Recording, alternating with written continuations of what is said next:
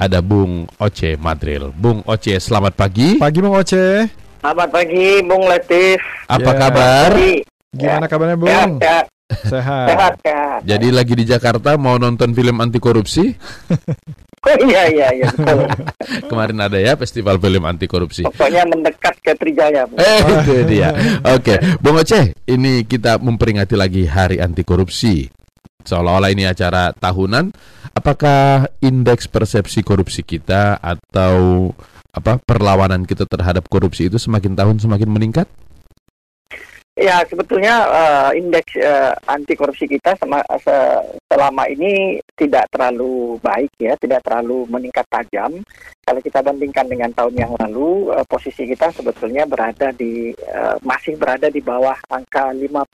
Hmm. artinya masih masih buruk ya angka angka 100 paling baik eh, angka di bawah 50 itu masih masih sangat buruk atau rapor kita sebetulnya masih rapor merah sebenarnya. Hmm. Hmm. Nah dibandingkan dari tahun ke tahun memang tidak ada kenaikan yang signifikan bahkan cenderung eh, stagnan. Nah kalau kita lihat data lain misalnya beberapa waktu yang lalu ada organisasi internasional mengeluarkan indeks eh, apa Trace Internasional mengeluarkan indeks perilaku suap ternyata di Indonesia situasinya justru memburuk. Indeks eh, perilaku suapnya justru semakin eh, semakin naik begitu, semakin rentan. Negara ini semakin rentan dengan eh, perilaku suap dalam perizinan, dalam mengurus eh, bisnis, investasi dan seterusnya. Nah, ini pendapat dunia internasional. Hmm. Sehingga memang dengan realitas tersebut menurut saya hari-hari ini memang hari-hari yang berat bagi bagi pemerintahan kita untuk eh, bagaimana mengangkat kembali citra kita di di mata internasional sebagai bangsa yang serius memberantas korupsi dan kemudian di, di saat yang bersamaan juga mengangkat kewibawaan pemerintahan di level masyarakat Indonesia eh, supaya masyarakat juga percaya bahwa sebetulnya pemerintah eh, serius dalam memberantas korupsi gitu. Karena belakangan sudah mulai ada kekhawatiran-kekhawatiran dari sebagian besar masyarakat eh, ketika melihat eh, mulai memudarnya komitmen anti korupsi dari pemerintah begitu. Oke, indeks perilaku suap ini ukurannya apa-apa saja ya indikatornya? Indikatornya sederhana sebenarnya soal eh, bagaimana pemerintah eh, melakukan pelayanan publik. Apakah pelayanan publik itu dilakukan secara transparan, secara akuntabel, dan eh, apakah pelayanan publik itu masih rentan terhadap pungli atau pungutan liar. Hmm. Nah, temuannya memang eh, indeks kita justru menurun ya. Artinya eh, pungli itu mulai kembali eh, ada di berbagai macam sektor perizinan atau pelayanan publik. Kemudian pelayanan publik kita juga belum terlalu transparan sehingga eh, ini menyulitkan ketika ada orang yang mengurus sesuatu dari pemerintah misalnya contohnya saja izin ya izin eh, investasi atau izin eh, di bidang perekonomian tentu itu yang akan memiliki dampak eh, terhadap eh, pembangunan ekonomi karena kalau eh, apa investasi atau izin usaha itu dipersulit tentu tentu saja eh, citra kita akan semakin buruk di mata dunia internasional. Hmm. Nah sebetulnya di dalam negeri juga mungkin sebagian besar masyarakat juga merasakan bahwa masih ada pungli-pungli itu di berbagai kantor pemerintah Hmm. ketika harus mengurus sesuatu misalnya itu masih tinggi. Nah ini PR yang dari tahun ke tahun sebetulnya dari periode pertama Presiden Jokowi sudah mulai concern di situ, tapi nampaknya sampai sekarang belum belum bisa di- diselesaikan. Hmm. Eh, Bung Oce kita lihat kan pemerintah daerah, pemerintah pusat kan berupaya untuk menyederhanakan eh, Izin. izin Hmm. itu eh, proses-proses itu kan disederhanakan. Ini ikut membantu nggak mengurangi yang tadi anda bilang pe- pe- perilaku Oh iya, suap? Ya itu itu sangat membantu karena memang eh, perilaku atau tingginya pungli itu eh, dibantu oleh sistem yang tertutup. Hmm. dibantu oleh sistem yang eh, tidak jelas atau berbelit-belit ya. Dan sekarang ada kecenderungan masing-masing eh, pemerintahan di daerah itu mulai membuat eh, sistem yang lebih sederhana, lebih transparan, lebih terbuka, memanfaatkan teknologi informasi sehingga setiap layanan yang disediakan oleh pemerintah itu mudah diakses dan eh, mudah di- dipahami oleh alurnya mudah dipahami oleh warga begitu. Tapi memang ini masih belum menjadi arus utama Hmm. masih beberapa pemda saja yang eh, kita bisa hitung dengan jari lah yang sukses menerapkan itu. Belum menjadi arus utama dari 500-an pemda yang ada di Indonesia ya. Ya mungkin masih di angka puluhan yang yang bisa melakukan itu gitu. Nah ini PR besar memang yang harus didorong terus oleh pemerintah dalam mewujudkan pemerintahan yang bersih. Hmm. Kalau kita mau melihat bahwa perang terhadap suap, kemudian untuk meningkatkan indeks persepsi korupsi itu sebenarnya ini di tangan KPK atau di tangan pemerintah secara uh, garis besar? Bobotnya sebetulnya lebih banyak di uh, di pemerintah ya karena hmm. uh, kita memahami bahwa segala urusan kita itu kan tergantung pada pemerintah. Mulai kita bangun tidur sampai tidur kembali di malamnya itu banyak sekali urusan-urusan yang bersentuhan dengan pemerintah. Apakah itu perizinan transportasi ya. Kemudian soal uh, kesehatan sosial jadi eh, layanan eh, layanan publik itu memang sejatinya disediakan oleh pemerintah. Nah KPK hanya bagian kecil saja. Ketika terjadi hambatan-hambatan tertentu, eh, KPK bisa masuk di situ melalui penegakan hukum misalnya. KPK bisa masuk juga melalui pendampingan-pendampingan. Tapi secara umum, secara secara besar, semua layanan itu ada di tangan pemerintah, pemerintah pusat atau daerah.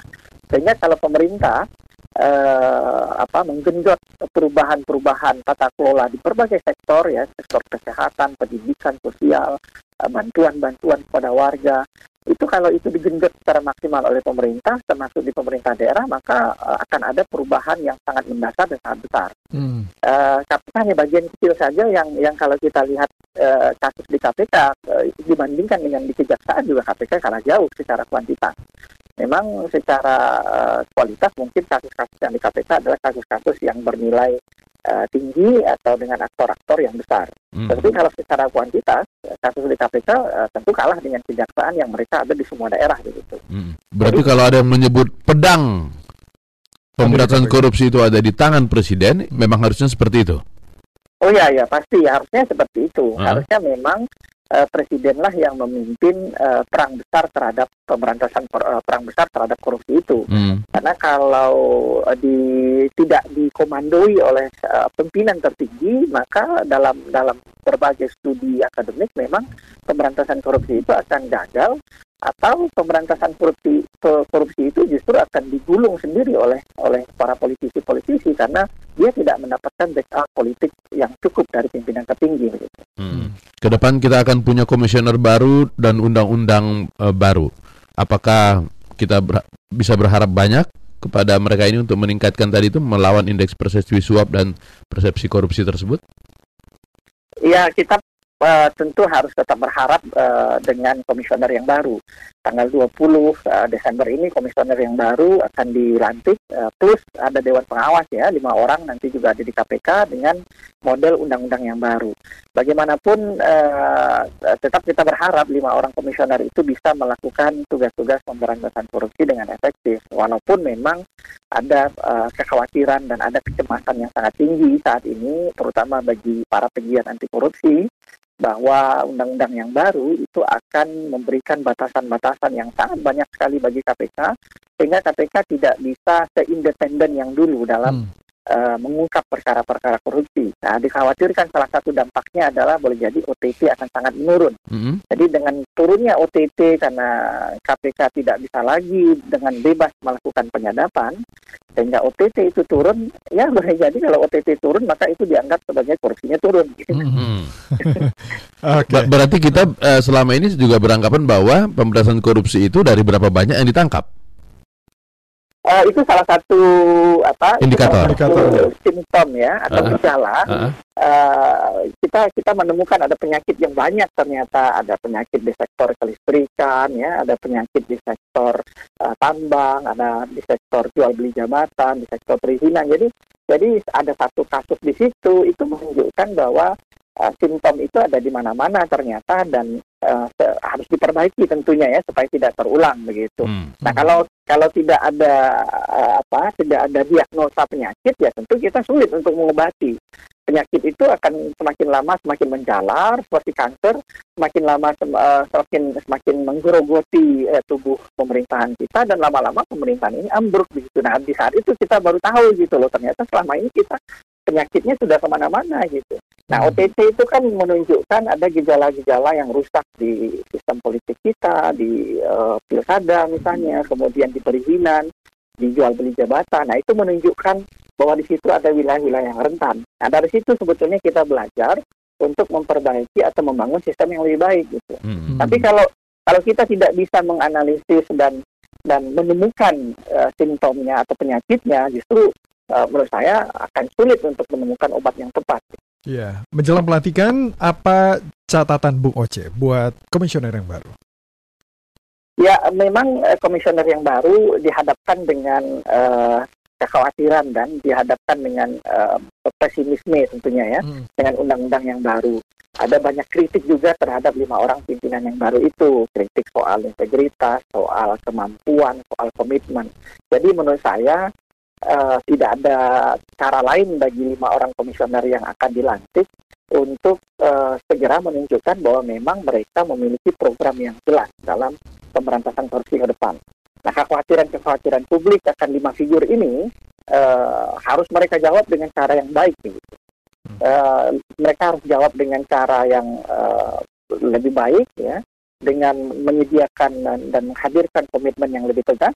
Dan jika perlu, memang mereka harus tunjukkan bahwa mereka tidak tidak seperti yang yang dikira oleh uh, oleh publik selama ini. Uh, mereka tidak perlu diragukan gitu.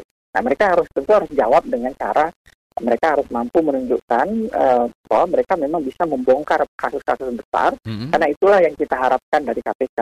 Mm. Kalau kalau uh, ukurannya kemudian membongkar dan kemudian meng-OTT sementara ada undang-undang yang membatasi untuk meningkatkan OTT itu, lalu kemudian nanti apa yang bisa kita jadikan ukuran kepada mereka ini? Ya memang ini kan ibarat mimpi di siang bolong ya. Kita berharap uh, dia semakin efektif ke depan, uh. sementara kita pun tahu kalau undang-undangnya tidak akan bisa seperti itu. Ah, iya, iya, kita iya, iya. ibarat uh, apa mimpi ini tidak tidak akan ketemu dengan kenyataannya. Gitu. Oh, Oke okay lah. Jadi jadi memang uh, uh, ada banyak PR juga kepada mm-hmm. kepada pemerintah tentunya ya. Tadi saya dengar ada beberapa pendengar yang menyarankan uh, potong tangan, hukum mati, hukuman mati dan uh -uh. kalau di Indonesia kita potong juga tapi potong masa tahanan. kita sebetulnya ini salah mengambil pelajaran. Iya iya iya. Harusnya kita jauh lebih tegas, uh -uh. tapi kita jauh lebih uh, ringan memperlakukan koruptor. Jadi mungkin di level uh, di level komitmen di Hari Anti Korupsi ini kita hmm. merefleksikan diri apakah betul-betul uh, kita serius dalam melakukan pemberantasan korupsi. Gitu. Oke, okay. jadi potong jangan uh, bukannya potong tangan tapi malah potong masa tahanan masa ya. Oke. Okay. Bung Oce, terima kasih. Thank you, Bung. Selamat pagi. Selamat pagi. Itu Oce Madril, Direktur Eksekutif Pusat Kajian Anti Korupsi UGM Yogyakarta. Itu dia yang miris ya Bung ya. Bukan potong kepala lah, potong tangan. Kita potong masa tahanan. Nah, ya mau komen langsung di sini. 0812 triple 10 46.